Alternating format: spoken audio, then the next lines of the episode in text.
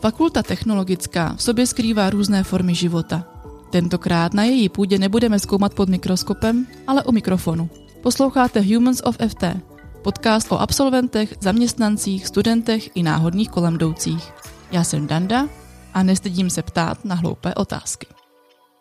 Sedím tu se Zuzkou Barbuščákovou, kterou znám osobně už celých pět minut. Podobně hluboce rozumím i její odbornosti, takže o hloupé otázky dneska opravdu nebude nouze. Co ale vím je, že k nám na FT dorazila z Přírodovědecké fakulty v Olomouci. Svůj elán, lásku k chemii a samozřejmě i vědomosti rozdává teprve pár měsíců. Takže mám za úkoly vyspovídat, dokud je ještě svěží a neopotřebovaná. Všichni dva lidi, se kterými jsem se o ní bavila, mi říkali, že si budeme náramně rozumět. Tak se těším. A Susku, díky, že jsi našla čas. Ahoj. Ahoj. Tak začneme uh, takovým rozehřívacím rozstřelem. Rozehřívací rozstřel, to je krásná. Budu říkat dvě slova, ty se rozhodneš pro jedno. Laboratoř nebo učebna? Učebna. Zlín nebo Olomouc? Olomouc. Chemie nebo biologie? Oh, chemie. Organika nebo anorganika? Anorganika. Online nebo offline? Off, off. Nespat nebo nejíst? Oh, nespat. Víno nebo pivo? Oh, já nevím. Obe. Zároveň dohromady. Řád nebo chaos? Oh, chaos. to jsem tušila. No, protože vyhrabat o tebe jakékoliv informace eh, nebylo vůbec lehké. Navzdory tomu, že jsi poměrně aktivní eh, v popularizaci vědy celou, celoživotně, řekněme posledních pár let, nepůsobíš, že máš problém se prezentovat, tak jsem nebyla schopná eh, o tebe na Instagramu i na Facebooku nic najít. Takže jsem tak špatný Kolumbo, nebo se straníš sociálních sítí? Jo. Nie, že sa ich straním, ale nemám na to asi až tak čas, jak by som chcela mať. Pretože keby som si vytvorila nejakú tú sociálnu sieť, tak už by som tam chcela dávať niečo, čo by malo zmysel a nie len čaute, mala som dneska kavu. Jo, Hej. takže bys nebyla Zuzka Barbuščáková, ale paní chemička, která prezentuje zábavnou formou vědu. Napríklad, alebo aj iné veci, jo, ktoré sa dajú riešiť o tejto spoločnosti, Samozrejme, že o globálnych problémov je hodne, okay. takže tých stránok by bolo hodne. Jo. A mm, tým, že, jak všetci vieme, tie sociálne siete berú hodne času, tak som si tak povedala, že hm, na čo? Radšej to budem mať, mám ich síce, jo. napríklad ten Facebook, ale je to založené len na um, komunikáciu. Takže keď chcem komunikovať s ľuďmi, jo. ale nepostujem tam nič. No. To, co mi o tebe teda neodhalil Google, mi na tebe napráskal tvůj nový šéf Michal Rouchal.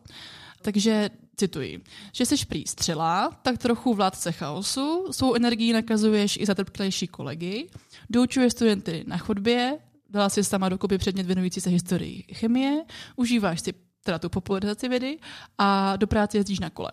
Co jsem vynechala? Oh, veľa. tak povídej. Čo ja viem, jako o mojom živote? Nevím, no. prostě to, co bys dala na ty sítě, kdybys na ně měla čas. Jo tak, tak eh, napríklad skrz tú uh, históriu chemie, tak s tým sa spája mm, v podstate veľmi veľa informácií nielen skrz históriu a skrz samotnú chémiu, jo, ale aj skrz iné vedné obory, pretože milujem knihy, Mm-hmm. To je ďalšia vec, si myslím, uh, do ktorej by som sa chcela pustiť nielen skrz sociálne siete, ale aj, ja neviem, nejaký YouTube a tak, pretože už tých kníh mám strašne veľa. Mm-hmm. A chcela by som ich prezentovať a chcela by som uh, tým ľuďom ukazovať, ktoré knihy z akého oboru sú tie najlepšie, pretože si myslím, že už toho mám nazbieraného strašne moc. A teďka sa bavíme o beletrii nebo jenom o odborné? Skôr tá odborná literatúra, no na tom mám... Odborná chem, akože chemie, viedy chemia, obecne? Áno, jo. viedy obecne, jo. Mm-hmm. Práve preto hovorím, že v podstate ku tej históriu chemie som sa dostala z rôznych ciest, mm-hmm. z mhm. rôznych smerov, pretože ma celý život zaujímala, zaujímali prírodné vedy ako také. Takže nie len tá chemia, ale samozrejme aj biológia, aj fyzika, v ktorej nie som vôbec dobrá, alebo aj tá matematika, všetko ma to tak vždycky zaujímalo a chcela som mať všetky tie vedy v knihách na jednom mieste. A když teda říkáš, že tě to živa zajímalo, jak je možné, že se teda ocitla na té obchodní akademii v Prešově, kde se studovala? Jo, áno. tak sa stane, no, niekedy, že jo, človek má 15 rokov a ja si presne pamätám ten moment, keď sa ma mamka pýtala a presviečala ma strašne, strašne, aby som na to gymnázium išla, tak som jej povedala, nie, tá obchodka bude ľahká, ja chcem mať dobré známky a, a neľutujem to. Boli to 4 najlepšie roky mojho života, jo. alebo jedné z najlepších v mojom živote a dalo mi to určite do života strašne moc. Možno tú ekonomiu nevyužívam, už si ani nepamätám, možno by som tu dačo teraz zaučtovala. Má dať dal, či jak to bolo. Netuším. Ale dalo mi to skôr po takej tej sociálnej stránke uh, veľmi veľa do môjho života, pretože som si uh, vytvorila v tom živote že tie vzťahy a tie som skôr budovala ako nejaké vedomosti. No a jako jak si člověk na obchodce řekne, já chci studovat prostě chemii, jako, ja som to vedela od základnej školy, ale tak nejak som potrebovala pauzu v tom živote. Ja to tak v tom živote mám. Teraz, ak už som staršia, to vidím, že mám také tie... Môj život ide vo voľnách, jo. Takže aj na tej základke som sa snažila úplne extrémne moc a chcela som mať tie najlepšie známky a učila som sa úplne všetko, čo sa tam učiť dalo. A pak na tej strednej som nie že padla, ale um, užívala som si život. Ale tak to je zase skvělé, že si dokážeš tady tyhle ty volné chvílky jako dopřát, že jo? Jako jedna 100% taky není úplně úplne snové. No práve, že ja idem buď na 185, alebo na menej, ako by sa predpokladalo. Jo? Okay. No a pak som prišla na tú vysokú školu a odrazu som z môjho života, v ktorom som netrávila veľa času v tej škole, musela venovať tej škole absolútne celý môj čas, ktorý som mala, lenže chcela som to, bavilo ma to, takže a ty teda to bolo eh, jednoduché. šla po obchodce na, na úpol. Mě zajímá, jak se teda, jakože ano, miluješ vědu, každopádně se čtyři roky nevěnuješ. Jak víš, kam se teda směřovat? Jako chápu, že jsi řekla, chci dělat teda exaktní vědy, ale co z toho si vybrat? Podle čeho jsi řekla, že je zrovna tahle? Tak, eh, protože sa vyskytli tie ponuky, hlavne to bolo v lete, to bolo druhé kolo, mm-hmm, takže jo. to bolo pre mňa jednoduchšie si to vybrať a tá anorganika ma zaujala hlavne asi kvôli tomu, že keď som sa začala učiť, keď som sa začala pripravovať na tú chémiu a už som sa pripravovala aj ako predtým v lete a teda, tak tam začínaš tou obeckou a anorgánou, keď sa učíš, mm. tu, keď sa začneš učiť tú chemiu. A tým, že ja som tomu chcela pochopiť hneď, tak som siahla už po ťažších knihách a tú anorganiku som sa hneď naučila strašne dopodrobná. Mm-hmm. A tým, že som to strašne dopodrobne vedela už od začiatku, tak ma to aj bavilo, jo, pretože jo. som tomu rozumela. Kdežto napríklad tá organická chémia prišla až neskôr no, a, tej som sa, áno, a tej som sa nevenovala až tak zo začiatku, takže bol to pre mňa úplne nový vesmír, takže som asi ku tomu až tak neinklinovala ako ku tej anorganike. Jo. Ještě se zeptám na jednu věc, eh, že se to už jako slibu už naposledy vracím k té obchodce. Když se teda rozhodla, že chceš jít studovat na vysokou školu a chemii a že se teda to musíš sama tady tu gymnaziální vědu jakoukoliv, v jakékoliv prostě podobě doučit sama, jak jsi postupovala? Jako, co bys doporučovala lidem, kteří se ocitnou ve stejné situaci? Měla jsi prostě nějaké doučování, nebo jsi prostě koupila knížky a šla do toho? Já nevím, jak tohle to dělá prostě. Ano, přesně tak. Jako hovorím to študentom tady veľmi, veľmi, veľmi často, pretože uh, veľa je ich takých, ktorí nemali niektoré mm, predmety, jak je fyzika, chemia alebo matika na tých stredných školách a dá sa to, keď budú chcieť, pretože čo znovu opakujem tým študentom fakt non-stop, oni žijú v nádhernom čase, v čase informácií. Takže podľa mňa nevedieť je voľba. Ten, kto nevie, ten to proste nechce vedieť. Pretože keď niečo chcete vedieť, tak dneska na tom internete nájdete absolútne všetko a nielen um, nejaké skripta, knižky, čo sú online, ale hlavne aj videá. Nájdete videá, kde sú vysvetlené absolútne všetky veci, ktoré my tu berieme. Jo? Pretože ďalšia vec, ktorú furt hovorím tým študentom, tie základy, ktoré my sa tu učíme, jo? nejaká fyzika, to je proste 17. 18. storočie, mm-hmm. chemia, to je 19. začiatok 20. storočia. My sa ani neučíme chémiu, ktorá už by zasahovala ako nejakého 21. storočia alebo mm, koniec toho 20. čo už je kvantová čo už je kvantová chemia, takže keď to boli schopní zvládnuť oni vtedy, tak sme schopní to zvládnuť aj my teraz. A hlavne s tou informačnou dobou. Takže keď niekto chce, tak si sadne a, a, a učí sa tempom, ktoré potrebuje. Pretože nie každý je schopný vstrebať to, čo je povedané na prednáškach alebo na seminári. Niekto potrebuje viac času. Jo? Um, takže si sadne a ide vlastným tempom. A keď nerozumie, no tak si nájde iný zdroj. A keď nerozumie, tak si nájde ďalší iný zdroj jako jo, a video. Ale taky to je trochu jako overwhelming, že jo. Jako, těch informací ty to vnímáš jako obrovskou výhodu, pro některé to prostě může být právě to, že už je toho tolik, kolik toho zpracovává denně, že prostě na to nemá kapacitu, ale uh, líbí se mi, že ty tak nějak máš. Nie, ja chápem, tak tým pádom si vyberiem knihu, ktorá mi sedí. Mne tiež nesedia každé knihy. Dokonca kniha, ktorá sa tu odporúča na jeden predmet, mi vôbec nikdy nesedela. Tak som siahla po knihách, ktoré mi sedia. Hej, takže a, a preto to hovorím, pretože tie základy, ktoré sa učia na tom prvom, v tom prvom, druhom ročníku z týchto prírodných vied, sú všade rovnaké. To není nejaká, ja neviem, ekonomika alebo, alebo dane a účtovníctvo, ktoré sa menia každým rokom, jo? Mhm, že stále tie zákony musíme dávať pozor, čo sa zmenilo a kedy sa zmenilo. Toto sa nezmenilo už 100, niekoľko 100, 200, 300 rokov a v prírode a sa to nezmenilo nikdy. Jo? Mhm. Takže ten zdroj, ktorý si vyberú, je na nich. Jak je prosím tě možné, že po studiu čehokoliv, co v sobě obsahuje přírodní vědy, seš magistra a ne inženýrka. Já jsem si myslela, že magistři jsou jenom pro lidi z humanitních oborů, jako jsem já, takže taky netušíš. Prírodovedecké fakulty to tak mají. Oh, jako mě na těch tituloch nikdy extra nezáležalo. No mě, tak, mě to taky úplně fuk, jenom jsem to byla překvapená, že mhm. jsem si říkala, jako teda, jako, že přišla z nějakého humanitního oboru nebo co. Že ne, ne, techniky. matika, nevím co, že jo technické školy, mm. jak aj stavbarina a architektúra a všetko toto. Mm. Um, a pak ekonomky, oni jsou inžinieri. Kdy a proč se rozhodla zůstat na akademické půdě a učit? To tak ti život prinesie, takže keď začneš robiť niečo a mm, nejak to nejde, nesedí ti to, necítiš sa v tom OK, máš viac stresu, jak pohody, tak uh, asi tam nepatríš. Mm. A keď robíš niečo a práve, že cítiš tú pohodu, že ti to ide jednoduchšie, jak hoci čo okolo, tak asi by, so, by si v tom mal ostať. No a ja som sa takto v, nejak v tom učení našla. A, takže učila jakože až v rámci PhD prostě, jakože to byla tvoje povinnost v rámci studia. Ano. Takže ja. to prostě přišlo až teďka. Takže to je pro tebe mm-hmm. vlastně novinka, že tě baví učit. No, ja som už na uh, vysokej škole, už som doučovala. A asi tým doučovaním som si tak uvedomila, že hm, to je celkom fajn, že ma niekto musí počúvať, že musí sedieť a musí ma počúvať, pretože keď uh, tak nejak upíva, začneš hovoriť o niečom, čo ťa zaujíma a tí ľudia ťa počúvať nemusia, tak ťa to mrzí. Ale jo. pak, keď prídeš do tej tej učebni a teraz hej, tých 20 lidí tam sedí a musí tě počúvat a ty můžeš hovoriť. Takže když jsi začínala studovat vědu, a netušila jsi, že bys uh, mohla být no, paní učitelka, když to řeknu takhle jako úplně hnusně a obyčejně, tak jaká byla ta vize? Chtěla jsi být v komerci, chtěla jsi být v laboratoři, nebo jsi prostě jenom chtěla dělat chemii a nechat tomu volný průběh?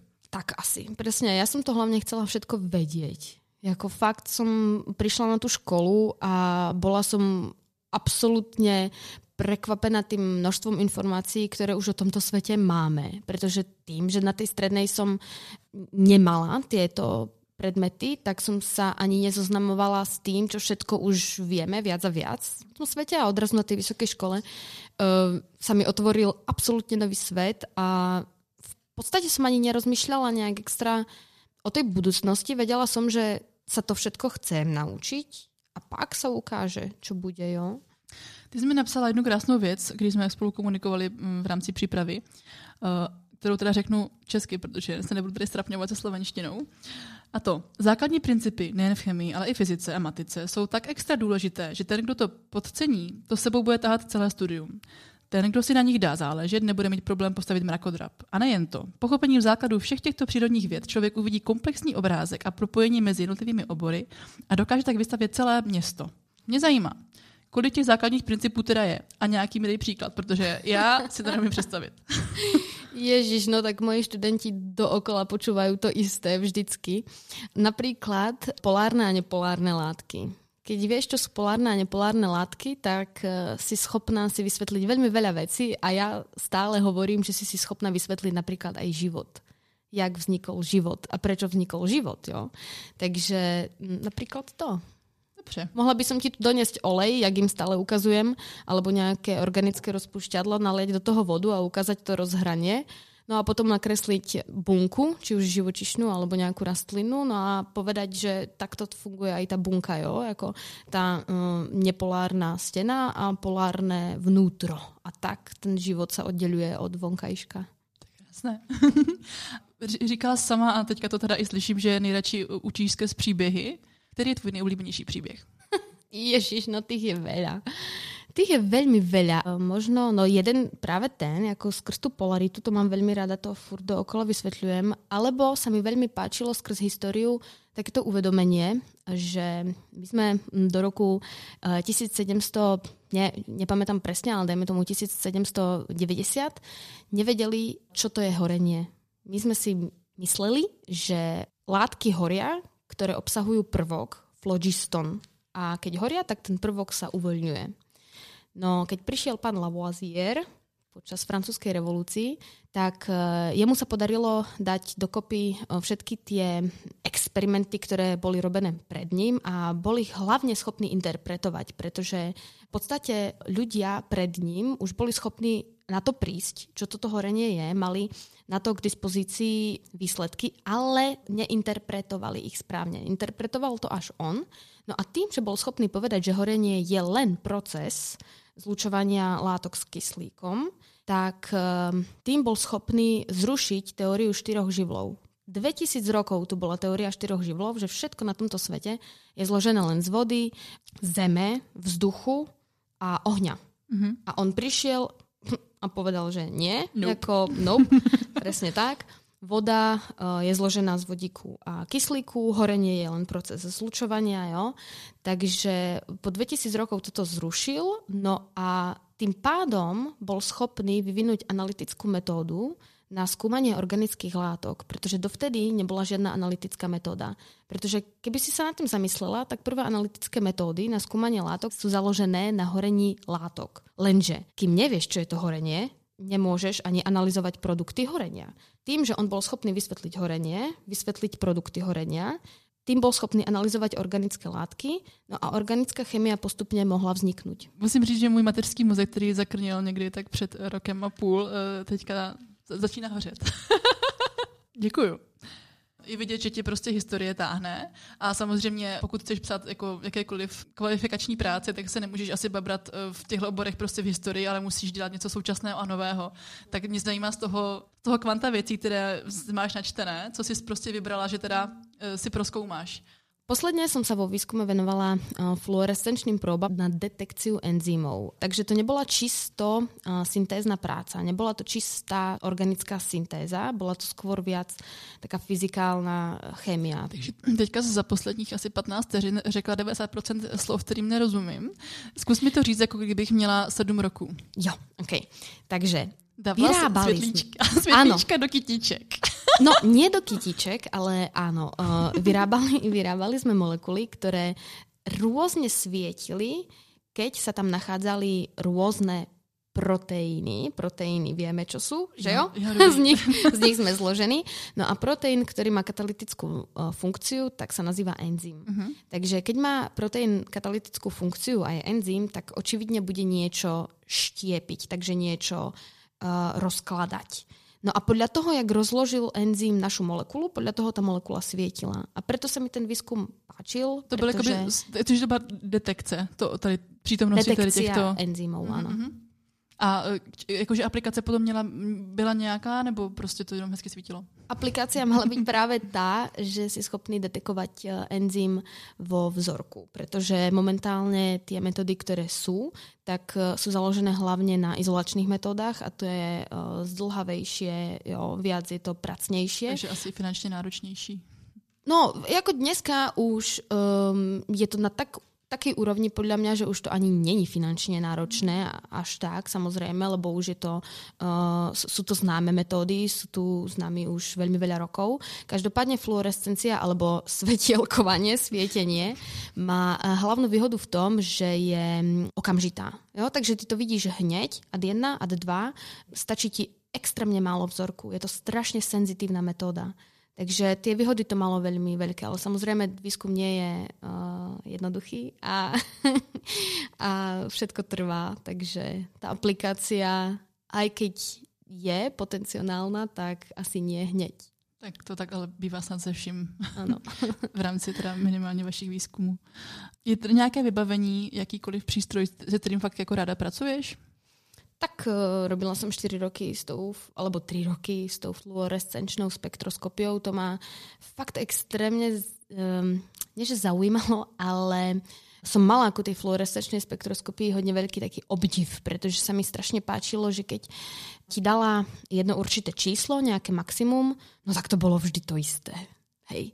Takže v tej fluorescenčnej spektroskopii sa mi strašne páči, že sa ti tam spojí teória s reálnou praxou. Takže to, čo ty sa učíš, že existujú nejaké absorpčné maxima jo, a že tá látka je schopná absorbovať to a to a preto a preto a tak a tak, a odrazu ti to reálne vidíš a ten stroj ti to vypluje v podstate vždy rovnako. Mm-hmm. A to sú čísielka, ako to je napríklad 583 a dookola je tam to isté číslo, mm-hmm. hej. Takže je fascinujúce, že sme vôbec boli schopní vytvoriť tento stroj, ktorý za to zodpovedá teórii, ktorá je založená na absolútne tých uh, tom, tom, ja neviem, jak to mám povedať, najkrehkejšom zložení toho atomu a molekul, jo? takže už sa bavíme o orbitaloch a jak fungujú tam tie orbitaly a na základe toho ty máš tie spektra a odrazu to funguje. Jakože ty sa o tom učíš a odrazu to vidíš. Hej. To je na tomto pekné. Posuneme se teda od Zuzky studentky po Zuzku paní učitelku. Jaký jsou studenti? Ale jako jo, asi. tak dá sa. Dá sa. Nie, ako hodne ma strašili kolegovia, že sa nemám zľaknúť, že tí študenti môžu byť takí a takí, ale fakt som ten prvý semester teraz chytala veľmi dobré skupiny, s ktorými sa mi veľmi dobre pracovalo, aj keď neviem, či to je aj vice versa, či mali taký pocit aj oni. Každopádne ja som si to hodne užívala ale je to pre mňa stále nové, jo? pretože v takomto rozsahu som neučila nikdy keď nejaké doučovania alebo nejaký uh, jeden semestrálny, jednosemestrálny kurz ako hoďku a pol, tak to sa nedá zrovnať s nejakými 20 hodinami týždenne, takže já tady jenom podotknu, že tady učíš seminář z organiky a obecnou a anorganickou chemii, pokud se nemýlím. A cvika, jo. A ještě cvika. Takže toho máš celkem dost. Jo, jo. jo, ale tak to som vedela, že to tak bude. Mm, plus ty z kombinovaného štúdia, plus teraz tu máme nejakých ekonómov, takže tiež majú cvika.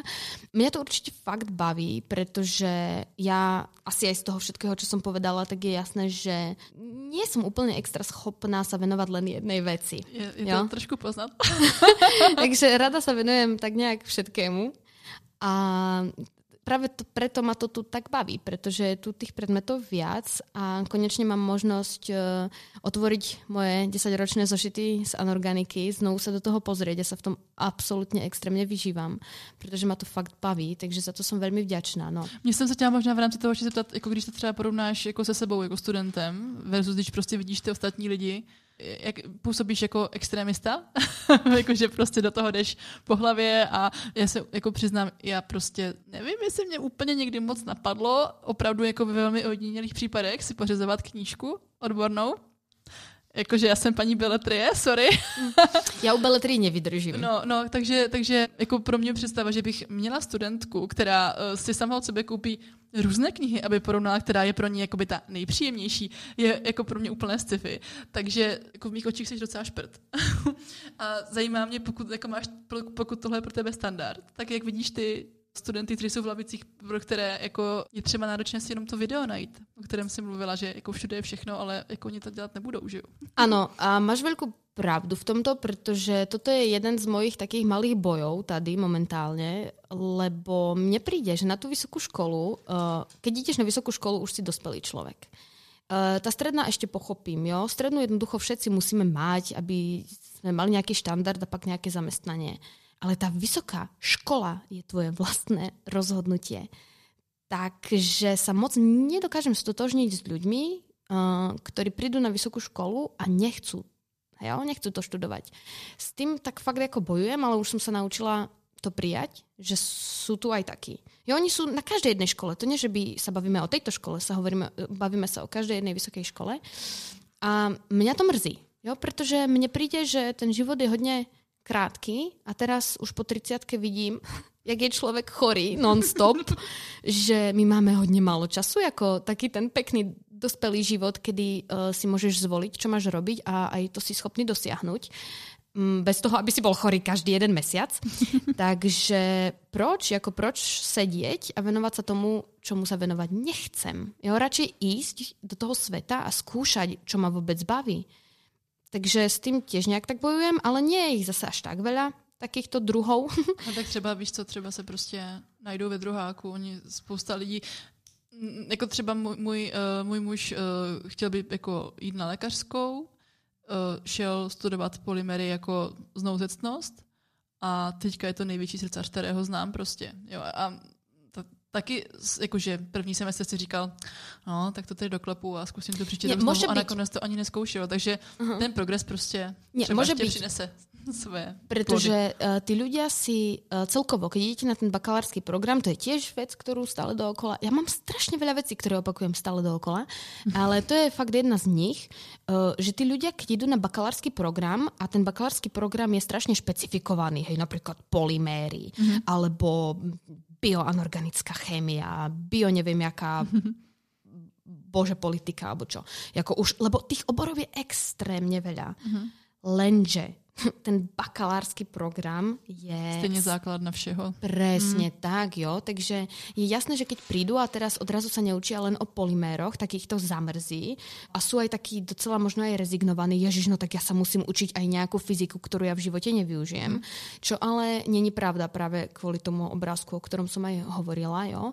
A ty hlavne sa nemôžeš učiť tieto špecifikované veci, keď nemáš ten základ, o ktorom ja furt hovorím. Jo. Takže je jasné, že niektorí sa presne nájdu, hej, až pak v nejakom vyššom ročníku, keď už sa budú učiť o tom, o čom sa učiť reálne chcú, ale musia si uvedomiť, že najprv musia vybudovať niečo, na čom musia stať. To základnu, jasně. No, nevyhneme se otázce srovnání, protože mě to strašně zajímá, že já jsem vystudovala UTB a potom jsem šla tady na fakultu technologickou pracovat, kde jsem byla dalších pět let, takže já jsem vlastně žádnou jinou výšku pořádně nezažila. A ty máš teďka jako svěží zkušenosti, tak povídej, jaké to je, jaký je ten rozdíl, jako je tady nějaká jiná atmosféra a klidně to vztáhni i třeba na Zlín jako takový, ale fakt mě zajímá to porovnání těch výšek.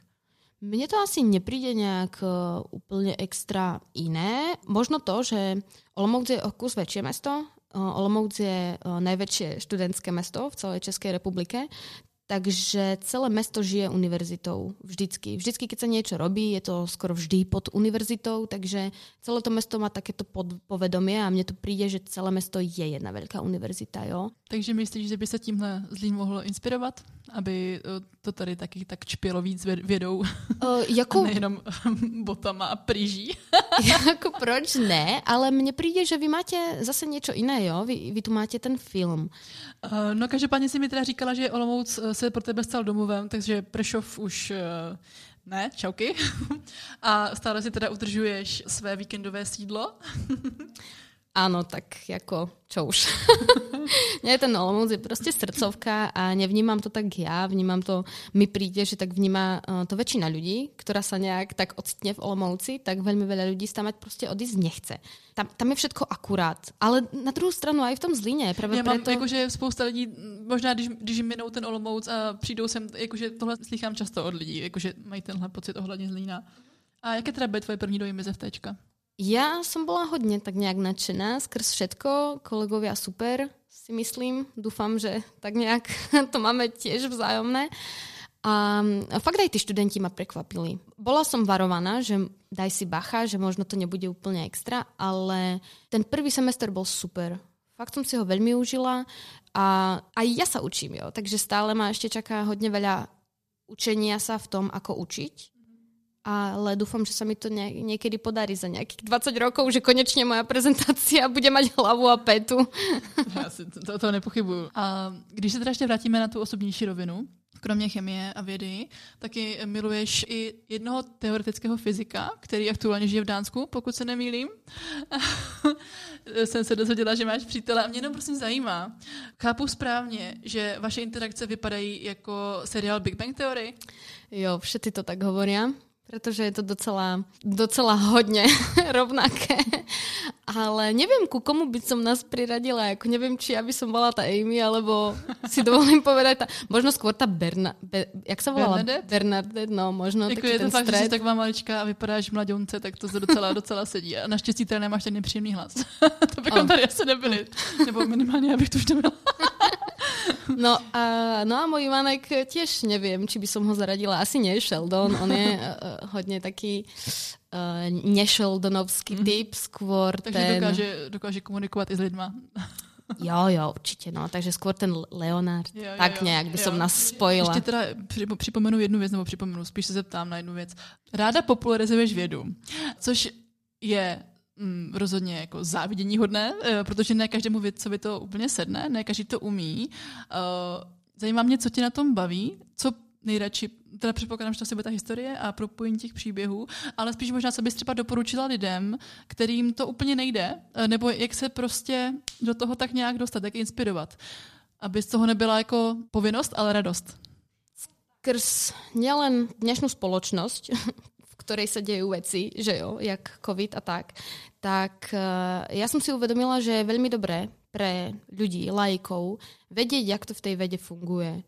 Pretože si to veľmi často neuvedomujú a nevedia, koľko úsilia a koľko rokov to trvá. Jo, takže uh, ak zistia, že napríklad tvorba vakcíny nebola z dňa na deň, ale je to proste niekoľko desiatok, už vlastne aj 100 rokov ročný proces, na ktorý sa postupne prichádzalo. Nebol to jeden človek, nikdy to vo vede nie je jeden človek. Vždycky je za tým jedným človekom tisíc a tisíc ľudí, ktorí to postupne dávali dokopy. No a ten jeden mal len tú nejakú uh, výhodu, alebo to šťastie zlíznuť smotánku a Takže zdá sa, keď je niečo pomenované jedným menom, nikdy to tak nie je. Takže všetko strašne dlho trvá. Keď si toto ľudia neuvedomia, pretože proste nemajú skade, jo, nevedia, jak to vo vede funguje, tak pak sa môžu tvoriť také tie pseudovedecké teórie, ktoré sa na internete bohužiaľ šíria rýchlejšie, jak svetlo. A bohužiaľ to pak zvádza spoločnosť na niektoré zlé chodníčky, ktoré nám škodia nielen individuálne, ale globálne, doslova do písmena. A abychom doskládali tu mozaiku, tak už snad teda víme i něco o tobě jako o vědkyni, i jako o člověku. Tak jaká by byla za tebe ideální podoba Zuzany Barbuščákové za pět let? Fúha. Uh, no plánov mám veľa. Hlavne sa chcem stále si prehlbovať tie moje vedomosti o, o histórii, niečo o tom aj napísať, nielen o tom kecať. Já jsem čekala, když řekneš, že bys chtěla napsat knížku, protože mě to tak jako, to tam úplně zapadá. No, či, neviem, či knížku, minimálne nejakú publikáciu by som o tom chcela, pretože mám veľmi veľa tém, uh, ktoré ma strašne zaujali. Napríklad, uh, neviem, či vieš, ale pán Dalton, ktorý vytvoril atomovú teóriu, hovorí ti to meno niečo? Daltonova? Jako nemusí mi to nic hovorit, já jenom budu tady takhle kývat, takže Okay. okay. pokračuj. tak, eh, dobre, takže tá Daltonova teória, tak on sa uvádza ako typek, ktorý založil atomovú teóriu, jo, lenže ne, už sa neuvádza, že kvôli nemu 50 rokov eh, ten výskum ustal, pretože on určil zle atomové váhy, pretože vyslovil nejaké postuláty a všetky neboli správne. Lenže tým, že jedného vedca, len kvôli tomu, že bol nejaký Ital a ľudia ho nebrali vážne, tak jeho publikáciu odvrhli a na 50 rokov ustál jo, ten vedecký uh, pokrok. Takže uh, vzhľadom na to, to chcem nejak dať dokopy a ukázať ľuďom, že ten Dalton nebol až taký dobrý. Jo, jo, jo, nebo to takový a borec. presne tak, nebol to až taký vyborec. No, takže takýchto príbehov mám viac a minimálne jeden by som za ten život chcela dať na Takže Zuzka papier. dá dohromady na papír A příběhy. jedna, presne. A no. ještě něco? Uh, no, určite by som sa chcela zdokonaliť aj v tej laborke, že jo, pretože jak uh, momentálne len učím, tak mi to už uh, aj začína chýbať. A jak som hovorila, aj v tom učiteľstve to není jednoduché, jo. Takže chcela by som si nájsť cestičky, aby to bolo dobré, len, nie samozrejme len pre mňa, ale aj pre tých študentov a aby sme tak nejak sa dostali na jednu vlnu. Tak to je krásné. Já ti hrozně děkuji za rozhovor a hodně štěstí ve všem. Ďakujem veľmi pekne, tebe taky. Díky, měj se, čau. Ahoj.